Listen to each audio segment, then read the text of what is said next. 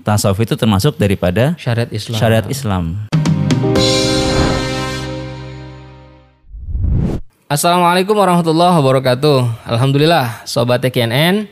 Terima kasih sudah menyaksikan, mendengarkan podcast tasawuf dari TKN News. Hari ini saya Saiful Jarah akan mendampingi teman-teman sekalian. Kita akan membahas nih, mengulik satu buah kitab. Tapi kita bawain nanti insya Allah dengan santai. Dengan Al Ustadz Aga Faizal Sadeli. Ini kitab apa Ustadz? Nama judulnya itu. Ini ya kitabnya Al-Iqlam. Al-Iqlam. Al-Iqlam apa Tat, artinya? Tat? Ah, ya biasalah ketika orang Arab itu memberikan nama kan Al-Iqlam. Al-Iqlam. Bi anna tasawufa min syariatil Islam. Oh, ini jadi, nama kitabnya Al-Iqlam. Al-Iqlam. Bi anna tasawuf, bi anna tasawuf min syariatil Islam. Iya, jadi tasawuf itu termasuk daripada Syariat Islam. syariat Islam. Waduh. Ini Iya. kitab ini pengarangnya siapa, Sat? Ah, alhamdulillah kita dapat ini ah, pengarangnya daripada Syekh Abdullah bin Muhammad bin As-Siddiq Al-Ghumari. Al-Gumari. Ya. Maroko, Sat ya? Maroko beliau. Maroko, Maghrib, Maghrib. Maghrib. Insyaallah. Insyaallah. Ini kalau boleh tahu nih, Sat. Ini dulu awal mula bisa eh, mengarang atau menyusun kitab ini dulu ceritanya gimana tuh, Sat? Syekh Abdullah tuh. Jadi Syekh Abdullah itu yang kalau kita cermati dalam kitab ini bahwasanya beliau itu eh, mengarang kitab ini untuk membantah daripada tuduhan-tuduhan orang-orang yang menganggap tasawuf itu perbuatan-perbuatan yang katakan melewati daripada batasan agama seperti perbuatan bid'ah atau khurafat yang katakan tidak ada dalam Islam. Akan tapi beliau di sini mengemas kitab ini dengan sangat bagus, sangat indah penyusunannya didasari daripada poin-poin yang katakan dari Al-Qur'an dan juga As-Sunnah. Oke, ini sampai sini dulu Ustaz. Oke, ya. Jadi sunnah. dulu nih tasawuf ini, eh, biana tasawuf min syariatil Islam ini dikarang oleh Syekh Abdullah bin Muhammad As-Siddiq Al-Gumari itu untuk membantah, melawan. betul. Berarti tasawuf ini ada sebagian orang yang menganggapnya penyelewengan dari agama justru orang belajar Iya. tasawuf, orang bertasawuf justru eh, melakukan hal yang bid'ah, hurufat, Nah. bahkan dianggap sempalan Betul. dari agama. Padahal ini justru di sini dikemas, disusun secara ilmiah oleh Syekh Abdullah Al-Gumari ini untuk mengembalikan bahwasanya tasawuf ini dari bagian dari syarat Islam loh gitu ya. Betul ya. Oke. Jadi tuduhan seperti itu tuh tidak benar. Hmm, Kalaupun ada yang tidak benar tuh ya hanya oknum-oknum oknum. yang tidak berlandaskan dengan asal yang ditetapkan oleh para ulama-ulama yang berasal dari Al-Quran juga Al-Hadis Al-Hadis. seperti itu. Oke. Jadi nggak boleh sembarangan asal nuduh Ustaz ya. Nah iya, makanya harus bertanya dulu. Kalau pengen nuduh baca dulu kitab ini. ya, tabayun dulu lah. Tabayun dulu.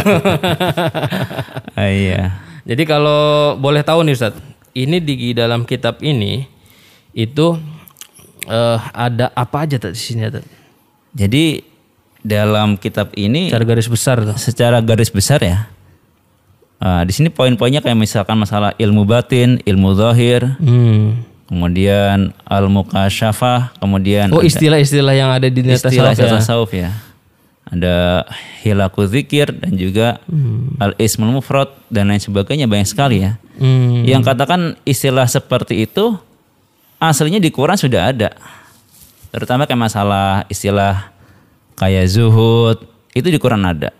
Masalah eh, Tawakal. syukur, tawakal itu di Quran ada semuanya. Ada semua. Sampai membahas wali-wali juga ada. Wali-wali juga ada. Ada wali wali Allah solihin dan juga di hadis ada wali autad, wali badal Wali ada. badal.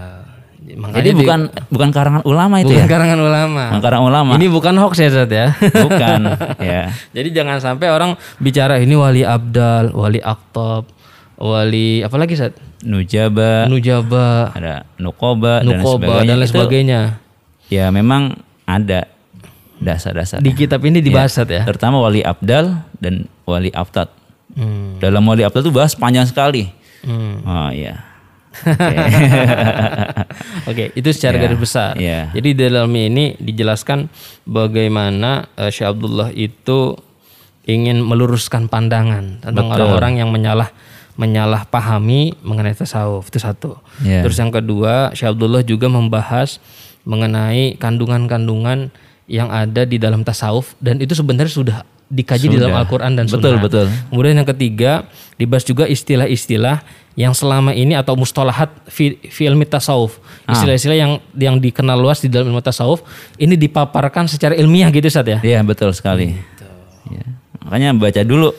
Baca dulu. Oke. Al-i'lam bi anna tasawuf min syariatil Islam. Islam. Jadi nggak usah ragu Ustaz ya. Tidak ragu. Nggak usah Ya. ragu.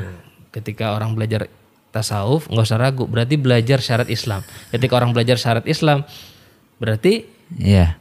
dia ingin menjalankan agama secara utuh. Betul. Begitu Berarti- Ustaz ya. Jadi kalau orang yang katakan ini syariat Islam, tapi dia tidak memandang sudut sini, berarti belum sempurna dia. Oke.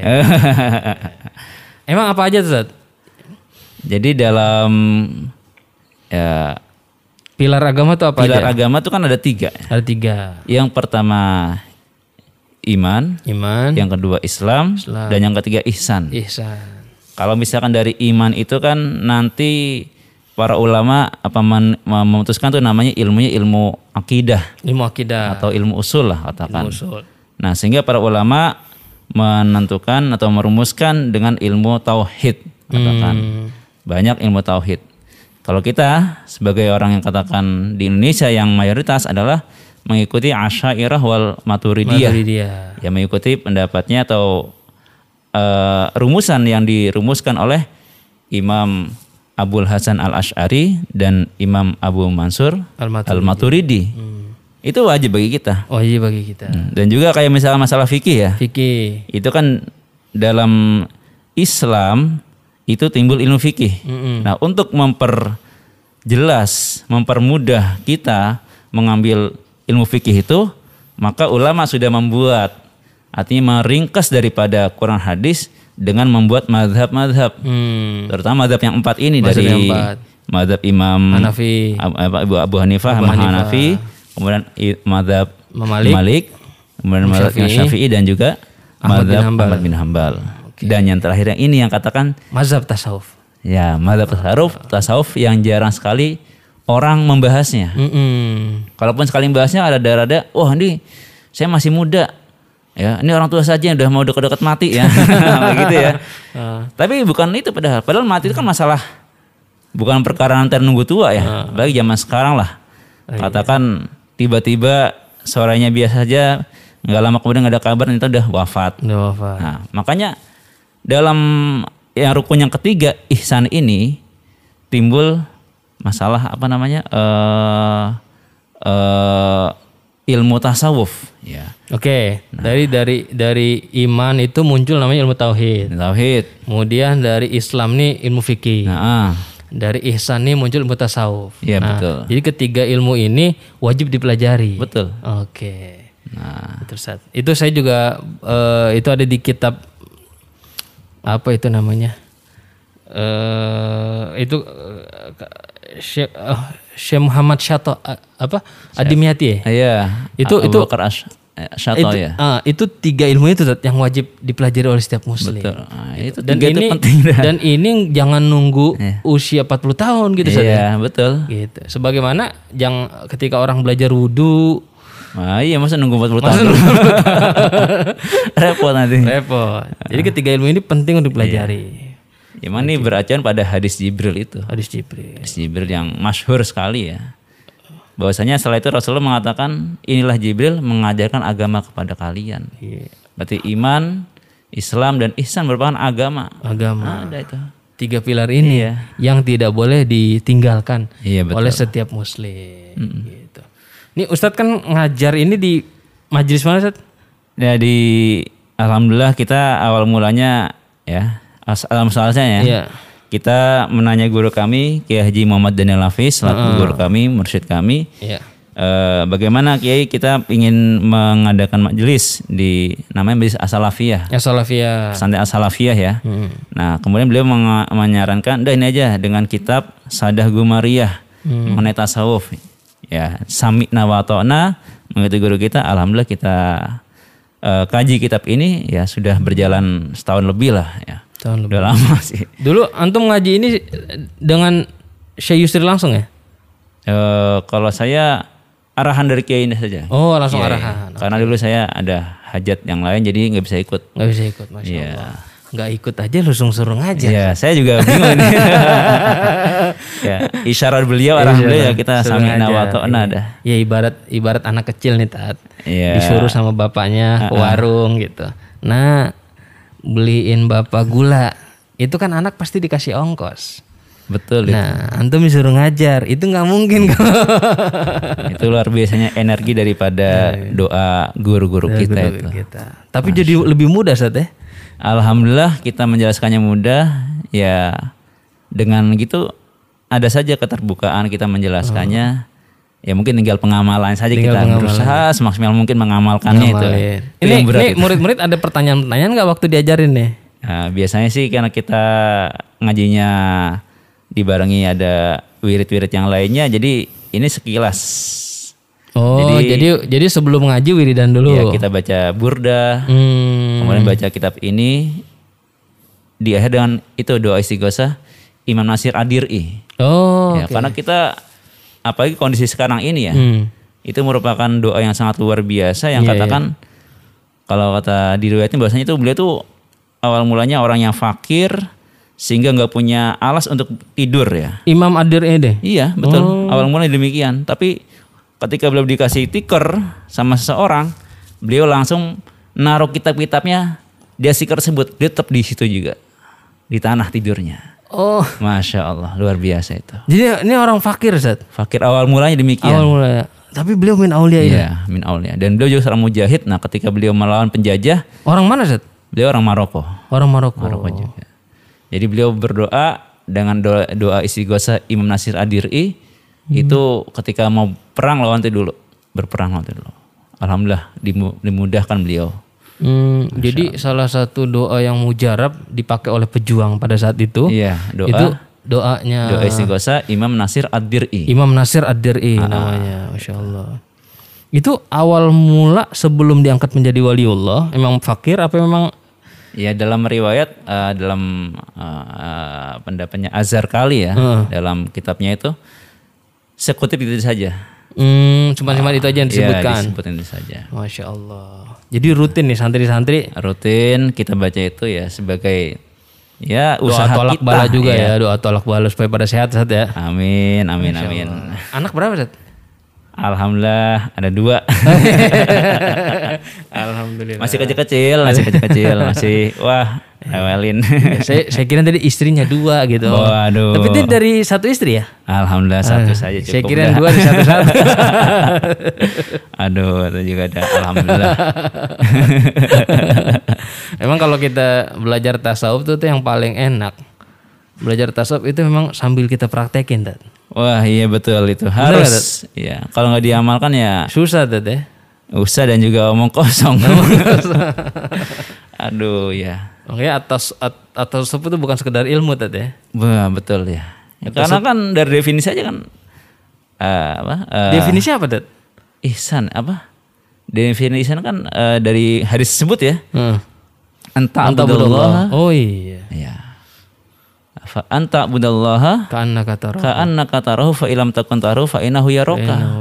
Ya engkau beribadah pada Allah seakan-akan ya Al- Allah melihat apa eh, engkau melihat engkau melihat Allah. melihat Allah. Tapi kalau kamu nggak bisa ya Allah ngeliat kamu. maka Allah melihat kamu. Ya. Merasakan kehadiran Allah ya. Ya, itu muraqabah dan juga musyahadah itu. Musyahadah. Ini kan Allah. eh, ini mungkin eh, kajian atau pembahasan yang nggak mudah, Ustaz. Betul, sangat-sangat tidak mudah. Tidak mudah, bukan hanya untuk sampai ke sana, bahkan untuk memahami kalimat itu aja, Betul, sangat-sangat sangat itu kan sangat nggak mudah, Ustaz.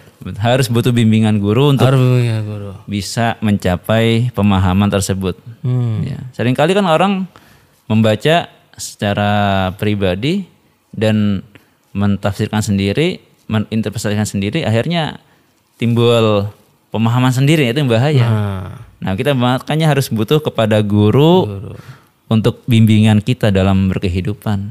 Itu harus semestinya. karena siapa ya? Gimana bahasa ini, Ustaz? man laisa lahu Nah, ustadzun Ya. ya man laisa lahu syaikhun fa syaikhuhu syaitan. syaitan. nah. Siapa orang yang nggak punya guru, Guru, maka gurunya maka min dzalik. Satu, orang bertasawuf perlu guru. Betul. Dan waktu kita bertasawuf berarti kita menjalankan syarat Islam. Mm-mm. Yang ketiga, eh yang ingin saya tanyakan tadi menarik itu tentang al aulia Ustaz. Mhm. Tentang al aulia. Tadi Ustaz bilang ada an-nujaba, kemudian al al aqtab, Mm-mm. kemudian wali abdal. Mm-mm. Ini di antara wali-wali yang memang eh, disebutkan eh, salah satunya ya di, di pembahasan kitab ini Ustaz ya. Iya, betul. Ah. ini salah satu yang ingin saya tanyakan itu gini Ustaz. Wali itu kan ada yang nampak bisa kita kenal, bisa dengan mudah kita ketahui. Bisa jadi karena memang sudah masyhur.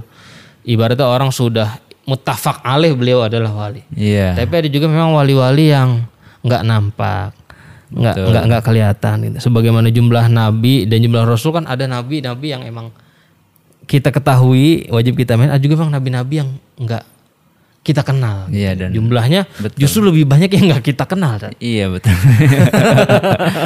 iya. Ini jangan-jangan wali-wali yang tadi antum sebutin ini nih memang kita walau alam ya. Jadi yang tahu derajat wali-wali ini siapa Ustaz? Ya la ya'riful wali Illal wali. illal waliyu. Ya, itu. Yang mengerti wali hanya Wali. serang wali ketika mereka udah di terakris apa tercatat sebagai wali ya. Yang ngerti wali juga. Iya. Ya, masa kita wah ini ya paling yang dalnya jelas itu di antara hadis Nabi itu tentang wali abdal itu. Yang jumlahnya ada berapa? 40 ya? Iya, ada Ya, 40. 40 itu. Jadi emang Setiap masa Ustaz ya? setiap masa ketika satu wafat maka digantikan dengan wali yang lain. Wali yang lain. Ya, karena itu kasih Allah ya luar biasa ya. Tapi aslinya wali itu kan setiap orang juga bisa jadi wali juga ya. Waliul mukminin ya. Allah merupakan walinya orang mukmin. Iya, iya. Ya, cuman tahapan tertentu ada tingkatan juga wali yang ini, wali yang ini, wali yang ini gitu. Ini saya sempat baca Ustaz tentang Wali Abdal yang Iya. ada di sini nih. Itu ada poin yang menarik, itu kalau dikaitkan dengan eh, salah satu ajaran Abah Hanum. Ah, bagaimana itu? Itu ada ada kata mutiara, itu ada lima kata mutiara, salah satunya gini. Eh, dari Syekh Ahmad Saibul Wafat Ajal Arifin. Eh, harus menyayangi orang yang membenci kepadamu. Masya Allah. Nah, rupanya kata mutiara itu itu se- se- eh, di dalam kitab ini Ustaz. Hmm. Itu adalah syarat untuk menjadi wali abdal. Oh iya iya iya iya iya. Iya betul betul betul. Syarat untuk menjadi wali abdal. Jadi kalau kita bisa ngamalin itu Ustaz, Insya Allah bisa diangkat jadi wali. Ah iya, berat syaratnya. Berat banget Ustaz. Harus kita jangankan ini kita sayang sama orang orang yang sayang sama kita juga belum tentu. hmm, Apalagi kita harus sayang kepada orang yang membenci atau menyakiti kita. betul itu. Ini berat, Sat. Ini nggak ada peperangan kalau begini, Sat. Iya. Sama kayak seperti siapa dulu Nabiullah Musa dan Nabiullah Harun ketika Allah sabdakan wakula lahu kaulan layina. Laina. Oh, dan katakanlah wahai Nabi Musa dan juga Nabi Harun berkata kepada siapa? kepada Kepada Fir'aun, Fir'aun ya. yang sudah amat Kaulan layan dengan lemah lembut ya Allah padahal udah wah mau musuhnya luar biasa. Iya. Allah Ya Allah. Itu itu yang saya temukan lah, salah satu temukan dan ada kaitannya dengan Betul. Di Abdal. ajaran Abah Anom. Ah, ah, iya. Jadi rupanya kata mutiara itu nggak sembarang kata mutiara. Kata mutiara itu adalah syarat untuk menjadi wali abdal. Hmm. Dan itu yang mungkin nggak ini ya, nggak kita sadari gitu. rupanya eh, guru kita sudah menulis itu, cuman nggak ditulis aja tuh tat. Judulnya kata mutiara. Kalau saya ditulis syarat menjadi wali abdal, orang berebutan kalau Ustaz. Iya iya betul. Namanya mutiara, mutiara kan ada di dalam. Iya. iya. Udah di dalam lautan, ngambilnya juga nggak gampang. Di dalam cangkang perlu diambil lagi. Iya. Artinya kan betul-betul betul. Ya karena emang guru-guru kita itu para ulama-ulama kita khususnya ulama sepuh kita para kiai kita itu kan beliau ngasih amalan pada kita, ada amalan aja. Nah, sering begitu Tat ya. Tidak menyebutkan nih faedahnya apa, khasiatnya apa enggak. Hmm, takutnya salah niat Tat. Salah niat terus ketika sudah tercapai nggak istiqomah lagi. Oh iya, karena udah udah tercapai niatnya. Iya udah sebenarnya udah saya udah bubar. Jadi se- sebenarnya guru itu kalau ngasih kita amalan, ngasih kita pengajaran, ilmu, itu sebenarnya juga disertai kewaspadaan. Hmm, betul. supaya kita tidak terlena, Iya. terlalai Iya. oleh tujuan-tujuan tadi benar Ustaz? betul. Kalau saya juga ingat kiai saya Kiai Al Makfur lah, Kiai Haji Masuri Abdul Mugni ya, Hmm. yang di Al Hikmah Ya. Berbes itu. Beliau itu kalau ngasih amalan pada kita ada amalan aja. Hmm, amalin aja. Nggak pernah ngasih tahu hasilnya apa, hasilnya apa. Karena dengan mengamalkan dengan keistiqomahan itu itu membangun sebuah hasil yang kita raih gitu. Iya. Ketika kita berhenti, udah selesai. Padahal justru rezeki yang sebenarnya itu waktu dia istiqomah. iya betul. Benar. Makanya disebut al istiqomah tuh khairum min alfi karomah. ah iya betul. Eh, itu yang mahal Ustaz ya. Betul itu. Masya Allah, Masya Allah. Makanya kalau guru saya juga pernah bilang gini, Kiai Muklas Hasim, kalau kita nyari karomah itu kan nyari kolong. Kolong ada isinya enggak? Nggak ada bentuk ada. enggak ada. Nggak ada. Nah, kalau istiqomah itu ya mejanya itu. Mejanya itu. Jadi karomah itu Iya. adanya di kolongnya istiqomah. iya. Bagaimana dapat kolong kalau udah nggak ada mejanya? Oh iya. Istiqomah itu ya mejanya, kolongnya itu eh, apa? Bagian. Karomahnya itu. Oh iya iya. Yang penting istiqomah dah. Yang penting istiqomah. Jadi orang kalau ngamalin wiridan, Iya. zikir, Ah, ah. jangan berharap cari karomah. Iya, udah istiqomah aja dulu. Nanti Allah bakal memberikan yang terbaik, bahkan lebih daripada yang itu gitu. Iya. Bahkan ada hadis kan, Dat? Ah. Siapa yang disibukkan oleh eh, zikir mengingat Ah. kepadaku, Allah akan kasih lebih baik dari lebih daripada itu. lebih dari yang biasa orang-orang pintar. Iya, betul. Masya Allah. Rupanya emang guru-guru kita ngejaga hati kita. Ah iya, biar kita ingat Ingat. lillah taala bukan karena lisyai'in sesuatu bukan. iya benar Ustaz. Tapi itulah yang memotivasi Ustadz ngajar itu Ustadz ya. Ya, begitulah. Ya, karena emang kita ngajar itu ya tafaul karena guru-guru kita juga karena guru kita mengajar dari pagi sampai sore ya. Kita juga ikut seperti itu. Tafaulan. Ya, ngikut. Ngikut. ngikut gaya beliau lah. Ya, karena sebagai santrinya ikut siapa lagi sih? Kalau kita ngidolakan orang lain, Iya. siapa yang mau kita idolakan ya? Kita paling mengidolakan kiai-kiai kita, guru-guru kita. Iya. Itu dah. Jadi memang istiqomah ngajar itu selain apa namanya? Selain memang bukan hanya menambah wawasan si murid, Heeh. murid bertambah ilmu, tapi sebenarnya juga kita nih yang ngajar yang Oh, sedang diislah. Bener Ustaz? Betul sekali. Wah, saya merasakan luar biasa. Barokah daripada kiai-kiai kita. Masya Allah. Gitu dah. Lewat ngajar ya. Iya, iya. Makanya sengaja eh banyak ya teman-teman kita nih ustadz-ustadz yang memang ngajar. Rupanya memang dia itu diikat oleh ngajar. Sebenarnya bukan buat memperbaiki orang, Iya. buat Pribadi. memperbaiki kita sendiri. Iya. Karena kan mau nggak mau dia yang dibaca akwalus solihin, Iya. akwalul ulama, Ketika dia menyampaikan dan tidak melaksanakan ya malu sendiri. malu sendiri. Malu sangat malu. ya Iya. mungkin wasilahnya seperti itu ya. Jangankan itu tata. Orang pakai peci, pakai baju koko, pakai sarung aja. Kalau mau maksiat masuk ke diskotik aja kan malu. Betul ya. Segitu yang zohir Zat, ya. Betul tuh. Kita malu, ya kan? Iya. Pakai peci mabok. malu Ya dong. Allah, Masya Allah. Masya Allah. Masya Allah. Sebenarnya gini Zat, ada satu ungkapan yang biasa dilontarkan gitu ya.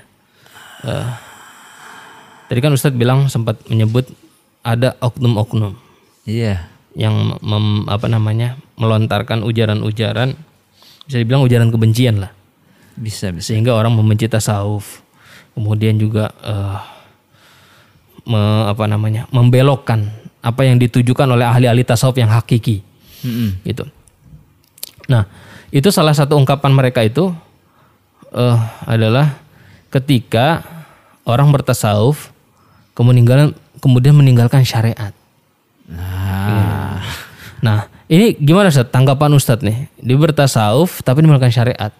Atau misalnya dia bertasawuf tapi meninggalkan muamalah. oh iya. Ada kan istilah kholwat. Ya kan? Kholwat menyendiri, Ah, ah. ngumpet.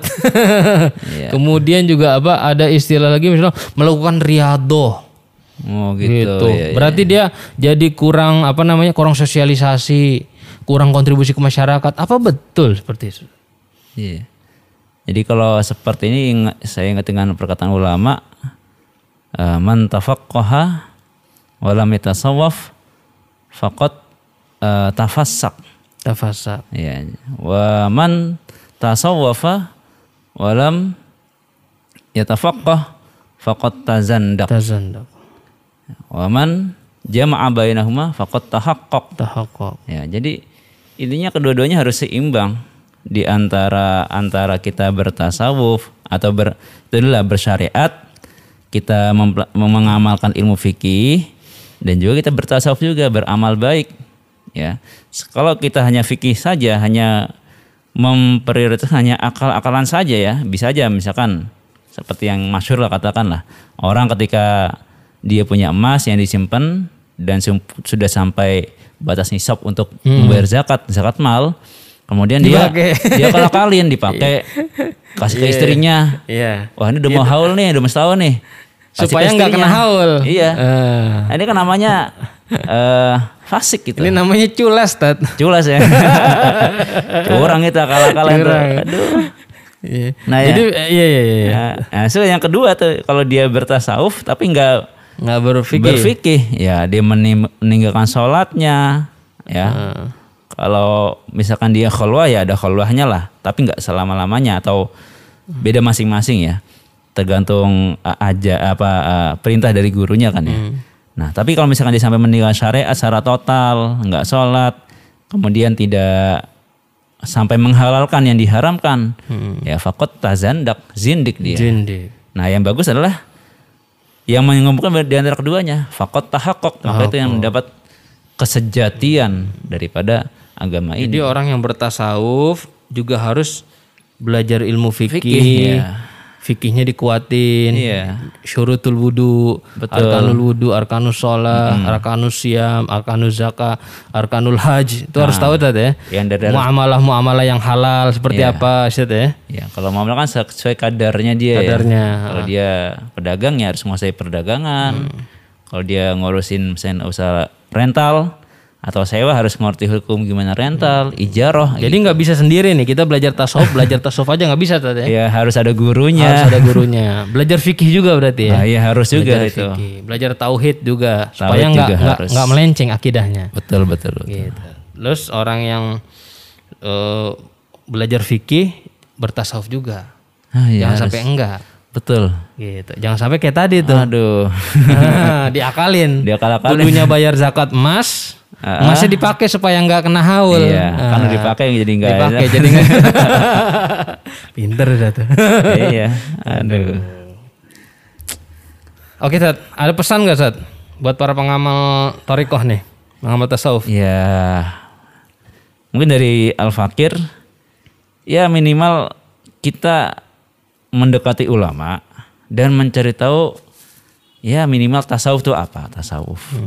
Ketika tahu sudah bisa tadi bisa me- kepada yang selanjutnya ya bertorikoh gitu. Ya, karena dengan seperti itu kita bisa menyempurnakan agama Islam kita dari iman, i- Islam dan juga Ihsan. ihsan. Karena rukun ihsan ini katakan yang jarang sekali orang menyebutkannya. Ya, mari kita tingkatkan keimanan kita, keislaman kita. Nah, ihsan jarang disebut-sebut ihsan ini.